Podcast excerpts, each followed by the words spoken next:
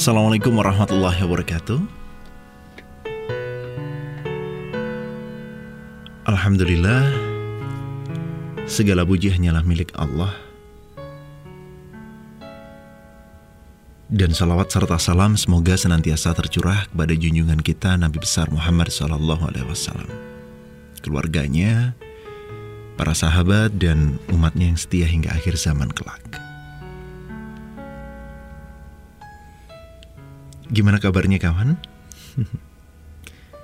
Sudah setengah pekan kita lewati mulai dari hari Senin, sekarang sudah hari Kamis. Tentunya banyak aktivitas, banyak pekerjaan, banyak hal ya yang sudah kita lakukan selama kurang lebih empat hari ini. Dan tentu saja akan banyak pelajaran yang kita peroleh dari setiap aktivitas yang sudah kita jalani.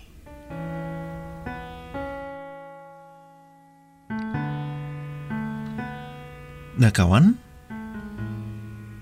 kadangkala setelah kamu beraktivitas, setelah kita beraktivitas, kita berjuang keras, namun kegagalan tetap aja masih muncul dalam hidupmu. Dan memang kegagalan ini memang adalah satu hal yang sering kali dialami oleh manusia. Kita juga sering menganggap kegagalan itu sebagai akhir dari segalanya.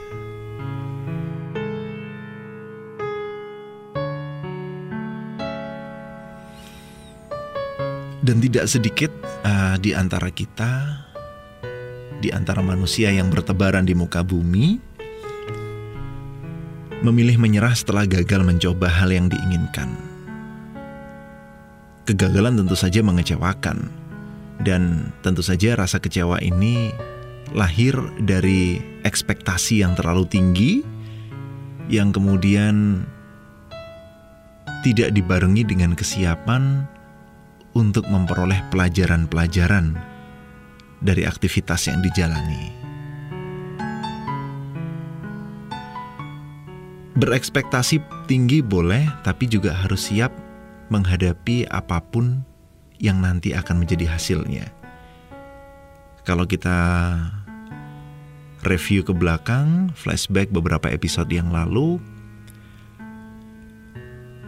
kita bicara tentang tawakal, kita bicara tentang harapan, yang mana apa pun hasil dari aktivitas atau ikhtiar yang kita kerjakan adalah yang terbaik bagi Allah dan kita harus siap untuk menerimanya.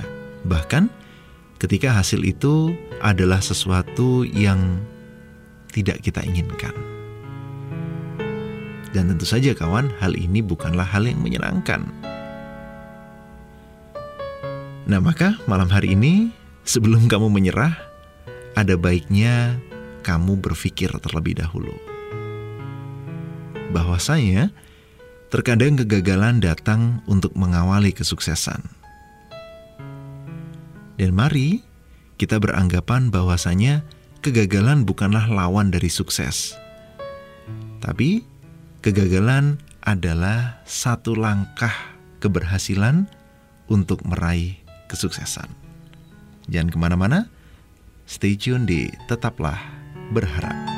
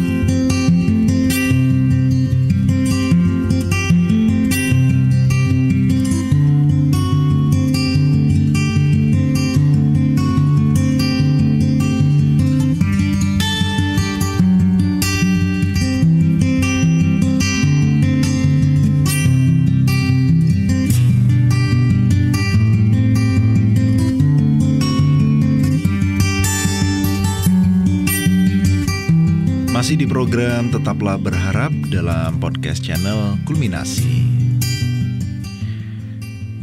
Kawan, mungkin sebagian dari kita sudah mencoba dan uh, melakukan sesuatu dengan penuh semangat, namun ternyata hasilnya nggak sesuai dengan bayangan. Maka ketika hal ini yang terjadi, tentu saja um, kita harus mengingat ya, bagaimanapun usaha yang sudah kamu lakukan untuk meraih keinginanmu tersebut adalah satu tindakan yang benar, satu hal yang positif dibandingkan hanya merencanakan lalu berdiam diri dan tidak berbuat apa-apa. Kemudian ibarat kata pepatah, seekor keledai nggak akan jatuh di lubang yang sama untuk kedua kalinya. Pun demikian dengan kita.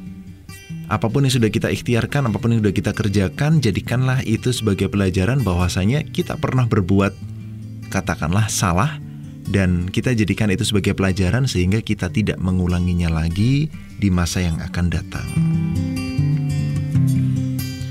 Bahkan nih uh, dari sebuah hadis uh, Nabi Muhammad SAW pernah bersabda, uh, hadis ini diriwayatkan oleh Abu Hurairah radhiyallahu an, tidak selayaknya seorang mukmin disengat binatang berbisa dari satu lubang dua kali. Maksudnya apa? Di antara kandungan hadis tersebut tentu saja peringatan agar kita manusia nggak lalai dan senantiasa menggunakan kecerdasan. Iya, kalau keledai aja nggak akan jatuh di lubang yang sama dua kali, masa kita manusia jatuh di tempat yang sama untuk kedua kalinya?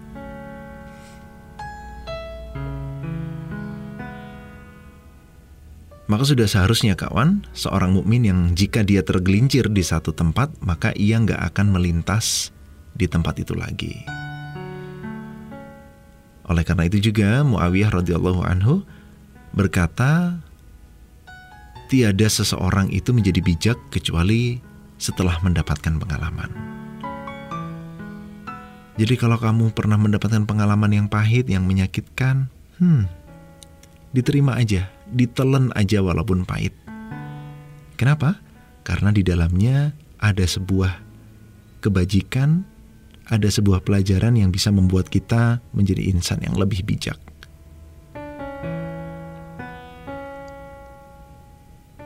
Jadi sebenarnya pengalaman itu kawan dapat menguak sebuah permasalahan yang awalnya samar-samar sehingga mengubah uh, orang tersebut menjadi orang yang bijaksana kemudian bisa uh, belajar dari pengalaman tersebut, belajar dari kesalahannya.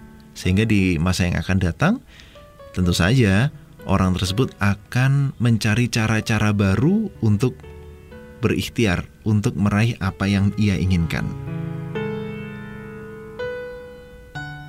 Nah, jadi uh, dia nggak bakal melakukan satu pekerjaan, satu perbuatan kecuali dengan cara yang lebih baik daripada yang sebelumnya.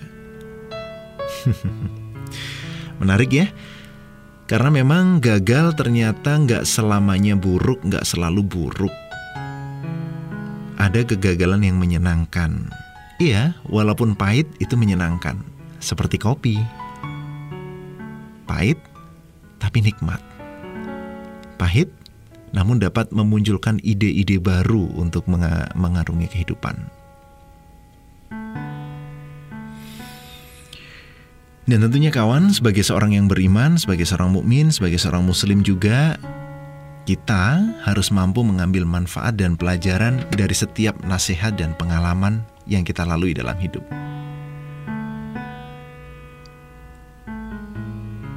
Paling tidak, kegagalan yang baru saja kita lalui membuat uh, diri kita membuat kamu tahu bahwa masih ada hal yang perlu kamu perbaiki. Allah nggak mau memberikan sesuatu itu dengan mudah. Artinya dengan mudah gimana? Kamu harus meraih sesuatu terlebih dahulu untuk mendapatkan tujuan akhir atau goal yang kamu inginkan.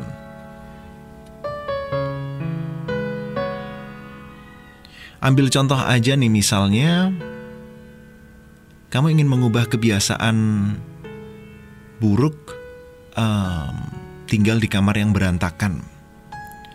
Kamu ingin mengubah kebiasaan itu menjadi kebiasaan yang lebih baik, menjadi orang yang lebih rapi lagi. namun ternyata nggak mudah. Hari ini mungkin boleh jadi kamu bersih-bersih, membersihkan kamar, menata kamar, dan lain sebagainya. Kemudian kamar kamu terlihat rapi. Tapi apakah itu berhasil mengubah kebiasaan kotor, kebiasaan jorok, kebiasaan teledor, kebiasaan meletakkan barang di sembarang tempat menjadi kebiasaan yang lebih baik? Belum tentu. Boleh jadi besok pagi kamu bakal mengulangi kebiasaan kebiasaan yang sama karena karena uh, kamar yang rapih itu adalah sebuah uh, hasil dari kebiasaan. Kamar yang rapi itu muncul dari kebiasaan-kebiasaan baru yang harusnya kita lakukan, harus kita perbaiki lagi. Maka yang harus diubah bukan kebiasaan merapikan kamar, akan tetapi meletakkan barang pada tempatnya dan gak seenaknya membuang barang begitu saja. Mungkin uh, kamu pernah merasakan, aduh kemarin abis aku tata, abis aku rapikan kamarnya perasaan, tapi kok sekarang berantakan lagi. Nah, jangan buru-buru menyerah. Jangan buru-buru menyerah ketika kamu bertemu atau menemukan sebuah kegagalan. Nah, maka sebaiknya introspeksi diri, mawas diri dulu. Dipikirkan dulu, direnungkan dulu nih. Apa yang kira-kira perlu kamu perbaiki agar usahamu berhasil sehingga kegagalan yang kamu buat hari ini dapat diperbaiki. Nah, kemudian setelah tahu apa yang harus diperbaiki, kamu bisa kuat menghadapi kegagalan dan bisa mencari solusi. Eh, ternyata Solusi dari kamar saya nggak rapi adalah kebiasaan saya yang suka meletakkan barang tidak pada tempatnya. Eh ternyata kamar saya yang nggak rapi itu adalah buah dari kebiasaan saya yang saya nggak disiplin meletakkan barang, saya nggak disiplin uh, ketika ada baju kotor kemudian langsung diletakkan di tempat cuci, ditaruh di tempat cuci, malah saya gantung, malah saya taruh di atas kasur dan lain sebagainya. Nah, esok hari setelah kamu tahu apa yang harus diperbaiki, hmm, ternyata ada hal-hal baru yang kamu pelajari dan kamu bisa melakukannya.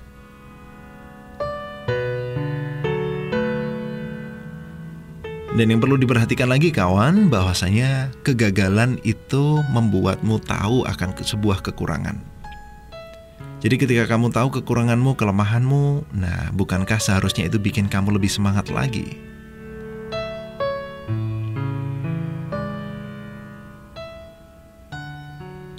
Ada sebuah nasihat dari Buya Hamka yang saya suka nih. Beliau mengatakan, beliau berpesan, jangan takut jatuh. Nah, jangan takut jatuh. Kenapa? Karena yang tidak pernah memanjatlah yang tidak pernah jatuh. Maksudnya apa? Orang yang gak pernah berbuat, orang yang gak pernah berusaha, orang yang gak pernah berikhtiar, itulah orang yang gak pernah gagal. Karena yang tidak pernah gagal hanyalah uh, orang-orang yang nggak pernah melangkah. Untuk itu jangan takut gagal.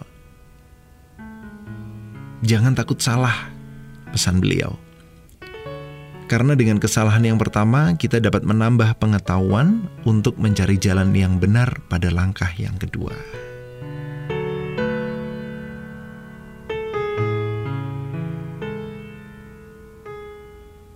Ada sebuah quotes atau kutipan berbahasa Inggris yang mengatakan failure sucks but instructs. Kesalahan itu menyakitkan. Kesalahan itu pahit. Tapi kesalahan itu memberikan kita pelajaran baru agar kita bisa berhasil di kemudian hari.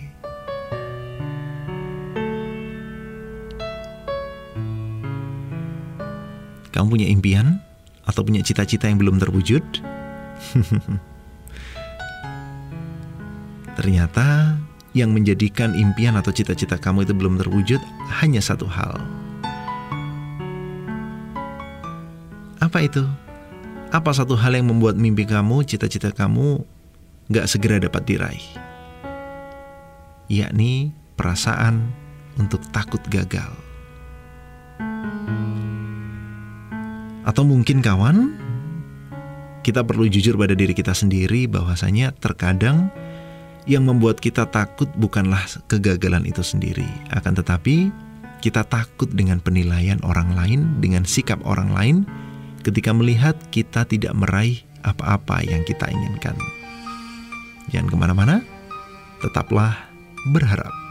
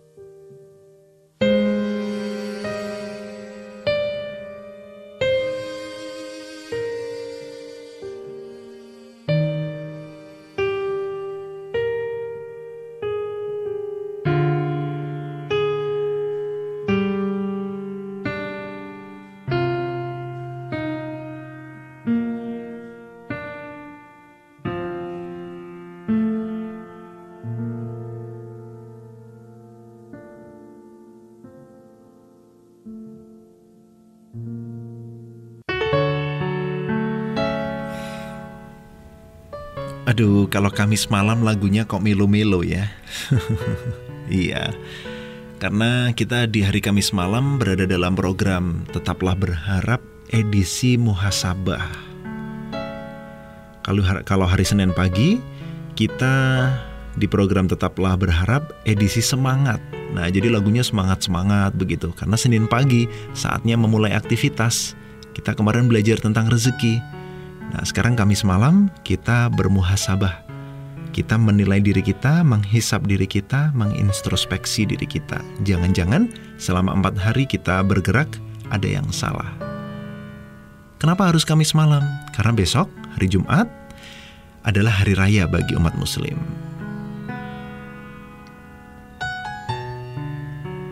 Hari raya, hari kemenangan, tidak selamanya kemenangan itu hanya bisa dirayakan dengan senyum, dengan tawa.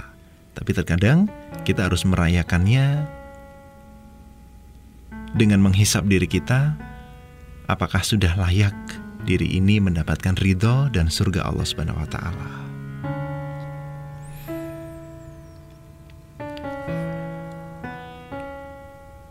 Saya jadi teringat sebuah kisah. Ya walaupun ini hanya kisah dongeng ya. Kisah dongeng yang masyhur untuk memotivasi orang pada zamannya. Gimana itu ceritanya? Ceritanya Nah, tentang seekor kata. Nah, kalau bilang kata jangan kemudian diasosiasikan dengan diasosiasikan dengan hal-hal tertentu ya. nah, jadi ceritanya gini kawan. Pada suatu hari ada sekumpulan kata kata ini masih kecil katanya kata hijau yang kecil-kecil begitulah ya kurang lebih. Mereka mengadakan sebuah lomba.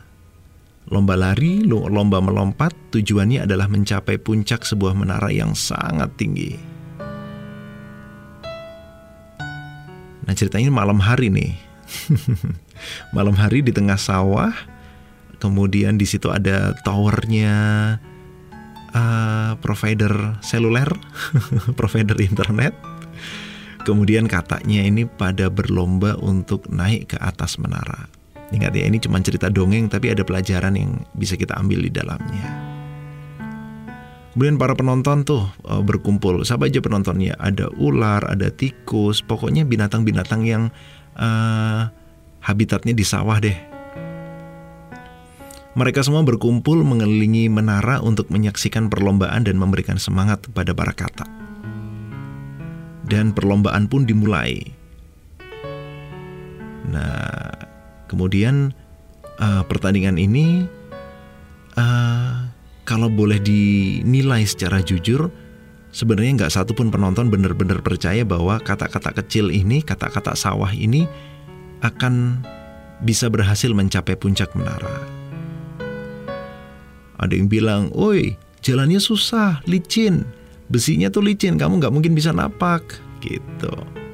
Kamu nggak akan bisa sampai ke puncak. Nah, itu teriakan salah satu penonton. Kemudian ada penonton lain lagi yang menimpali, aduh nggak akan bisa, nggak akan bakal ada kesempatan untuk kamu bisa berhasil ke atas puncak. Menaranya terlalu tinggi, guys. Nah, kemudian akhirnya kata-kata kecil ini mulai berjatuhan satu persatu. Kecuali mereka yang tetap bersemangat menaiki menara perlahan-lahan semakin tinggi dan semakin tinggi.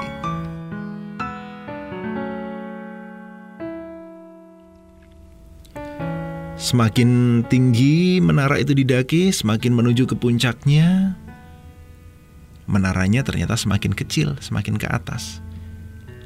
Kemudian ada penonton bersorak lagi, udahlah terlalu susah, nggak akan ada yang bisa naik, nggak ada yang uh, nggak akan ada yang bisa sampai puncak. Akhirnya kawan, lebih banyak lagi kata kecil yang lelah dan menyerah akhirnya jatuh. Namun ada satu yang tetap melangkah hingga semakin tinggi, semakin tinggi, semakin tinggi dan dia nggak kenal menyerah. Akhirnya ketika yang lain telah menyerah untuk menaiki menara, ya kecuali uh, salah satu seekor kata kecil ini aja yang begitu berusaha keras dan menjadi satu-satunya yang berhasil sampai ke puncak.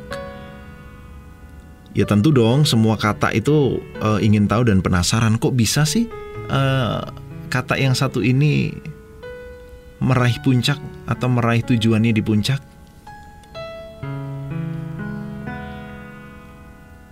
Kemudian seekor uh, katak yang lain bertanya, gimana caranya katak itu berhasil mempunyai kekuatan yang luar biasa untuk meraih puncak? Ternyata, kawan, kata yang menjadi pemenang lomba memanjat menara itu adalah kata yang tuli, yang nggak bisa mendengar. Nah, nggak bisa dengar uh, katanya tuli kok bisa ikut lomba? Iya, dia baca chatting kayaknya.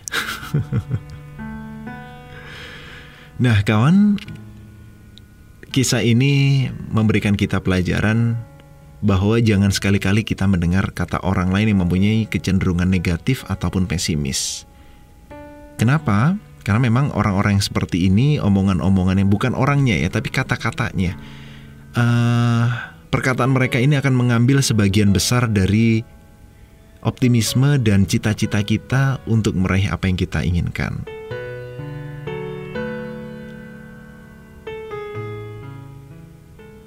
Kalau di episode High Five kemarin uh, saya sempat mengutip sebuah kutipan, sebuah quotes, uh, you are what you see, you are what you read.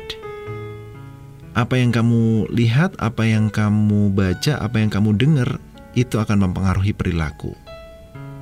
Karena itu, bisikan-bisikan negatif, kata-kata negatif semacam ini seperti yang disampaikan oleh para penonton kepada kata yang berlomba untuk menaiki menara itu hmm, harus difilter. Nggak semua omongan orang harus didengar. Ketika itu adalah pesimisme, cacian, mengajak kita untuk mundur, senyum-senyum sinis, ketawa-ketawa sinis. Nah, sepertinya hal itu nggak perlu kita dengarkan. Tetap aja positif, bersikap tuli ketika ada orang yang mengatakan bahwa kita nggak bisa meraih apa yang kita harapkan. Selalu berpikir, I can do this.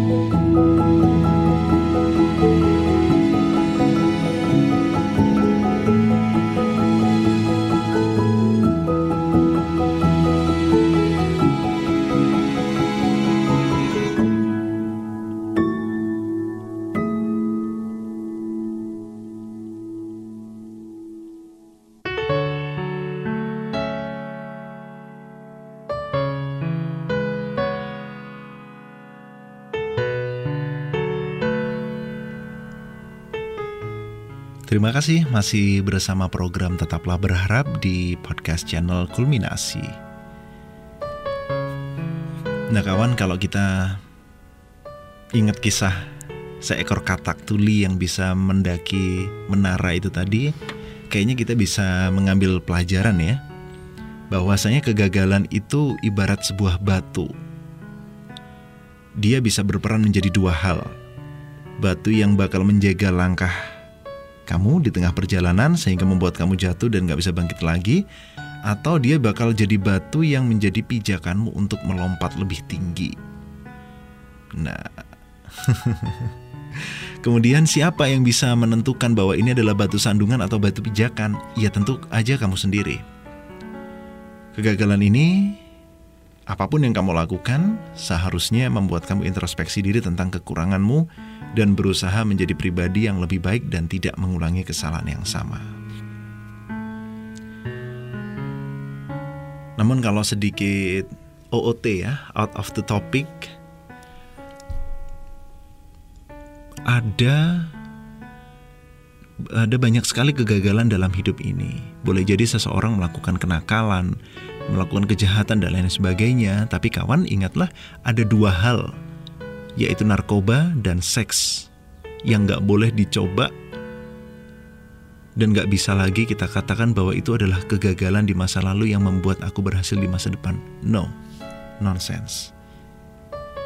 Kenapa? Karena dua hal ini akan menjadikan seseorang benar-benar terjerumus masuk dan gak bisa bangkit lagi, gak bisa keluar lagi. Bisa pun keluar, masih ada lubang, masih ada cacat yang tersisa yang itu permanen sampai seumur hidupnya. So, jangan sampai terjadi kegagalan dalam dua hal ini dalam hidupmu.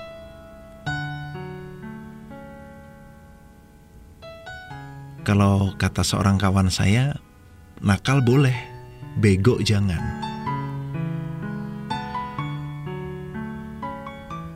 Gagal dalam melangkah boleh, tapi berbuat yang fatal jangan. Dan seks serta narkoba ini adalah dua hal fatal yang gak boleh dilakukan oleh seorang mukmin dalam hidupnya. Kenapa? Seks di luar nikah itu akan menjadikan cacat yang menganga, cacat yang permanen seumur hidup. Artinya apa? Sampai seumur hidup, walaupun hanya kamu dan pasangan kamu pada saat itu yang mengetahui, maka seumur hidup kamu akan dicap bahkan bahkan oleh dirimu sendiri ya sebagai pezina. Apalagi kalau wanita. Hmm, naudzubillah. Sementara yang kedua kalau kita sudah pernah pakai narkoba, oke mungkin di suatu hari, suatu saat kita bisa bertaubat kita bisa lepas darinya akan tetapi sisa-sisanya masih akan melekat dalam tubuh kita. Maka itu adalah dua hal yang gak pernah boleh kamu coba dalam hidup kamu. Hindari, deketin pun jangan pernah.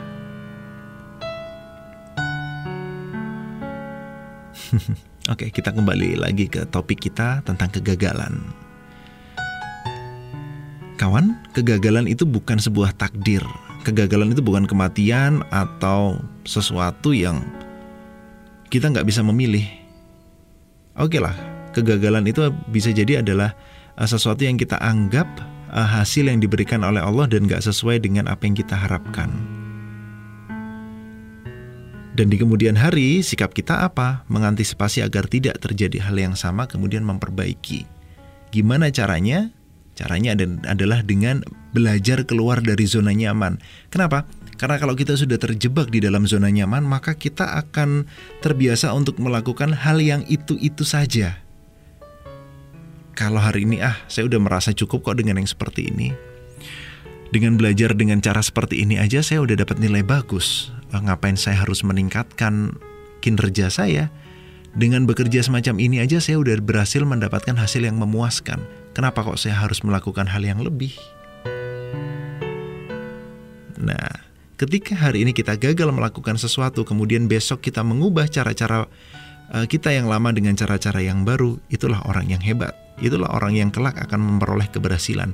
Namun, tipe orang kedua yang merasa nyaman dengan zonanya, merasa nyaman dengan apa yang sudah dikerjakan hari ini, ketahuilah, boleh jadi hari ini dia berhasil, boleh jadi hari ini dia meraih apa yang dia inginkan, namun di masa depan kegagalan sudah menantinya.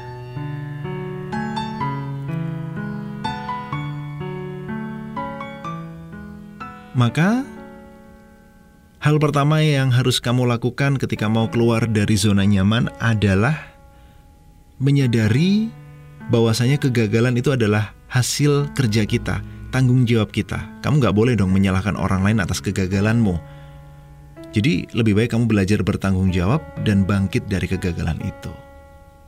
Mari mulai kenali kelemahan kita dan upayakan agar kelemahan itu nggak menjadi penghalangan, eh, penghalang kita di masa yang akan datang. Tentu setiap orang pasti punya kelebihan untuk melengkapi kekurangan itu tadi. Keberhasilan itu nggak mustahil kamu raih kok. Asal kamu mau berubah, keluar dari zona nyaman dan mencari tahu bagaimana cara meraih keberhasilan.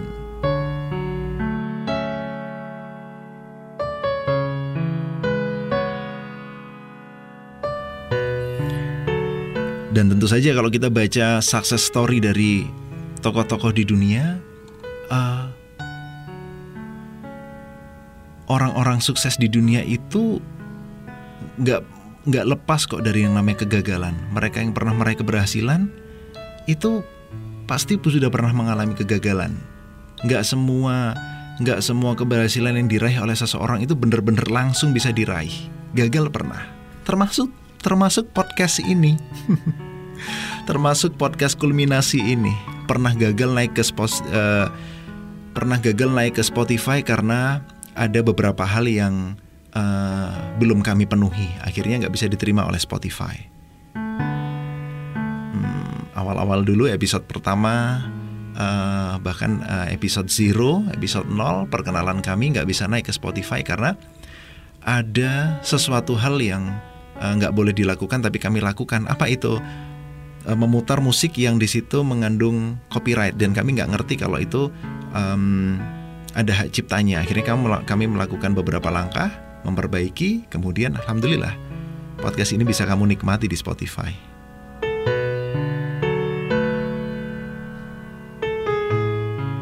Jadi ketahuilah bahwa gagal atau mungkin gagal berkali-kali itu biasa, tapi jangan gagal di hal yang sama, di lubang yang sama.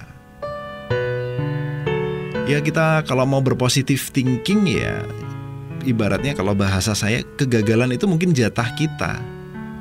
Dan saya percaya bahwa semua hal itu ada masanya, ada waktunya. Ada masanya hari ini kita boleh jadi gagal, tapi ingat ada masanya juga kita pasti berhasil. Kapan? Nggak tahu. Bisa besok, bisa satu jam yang akan datang, bisa setengah jam yang akan datang, bisa satu bulan yang akan datang, seminggu yang akan datang. Kita nggak ngerti. Tugas kita di dunia adalah menjadikan diri kita senantiasa melakukan yang terbaik sampai kematian yang datang menjemput kita.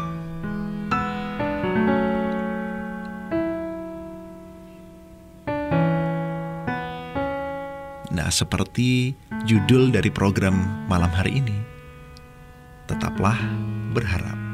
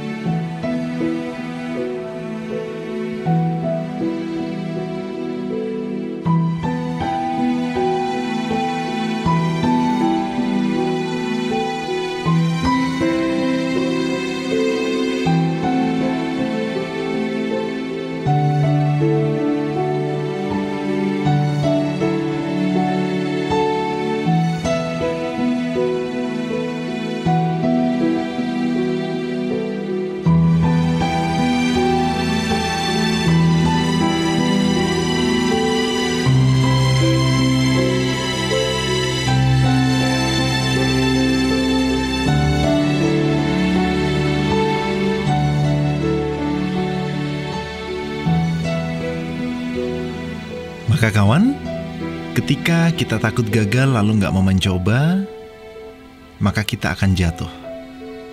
Dan ketika kita gagal, lalu kita mau untuk terus melawan kegagalan itu dan menggantinya dengan cara-cara baru, yakinlah keberhasilan akan ada di depan mata. Ada sebuah quote dari John Bon Jovi yang saya juga suka nih. Sukses adalah gagal sembilan kali dan bangkit sepuluh kali. So, jangan menyerah untuk terus bangkit. Terima kasih sudah berjuang hari ini. Assalamualaikum warahmatullahi wabarakatuh.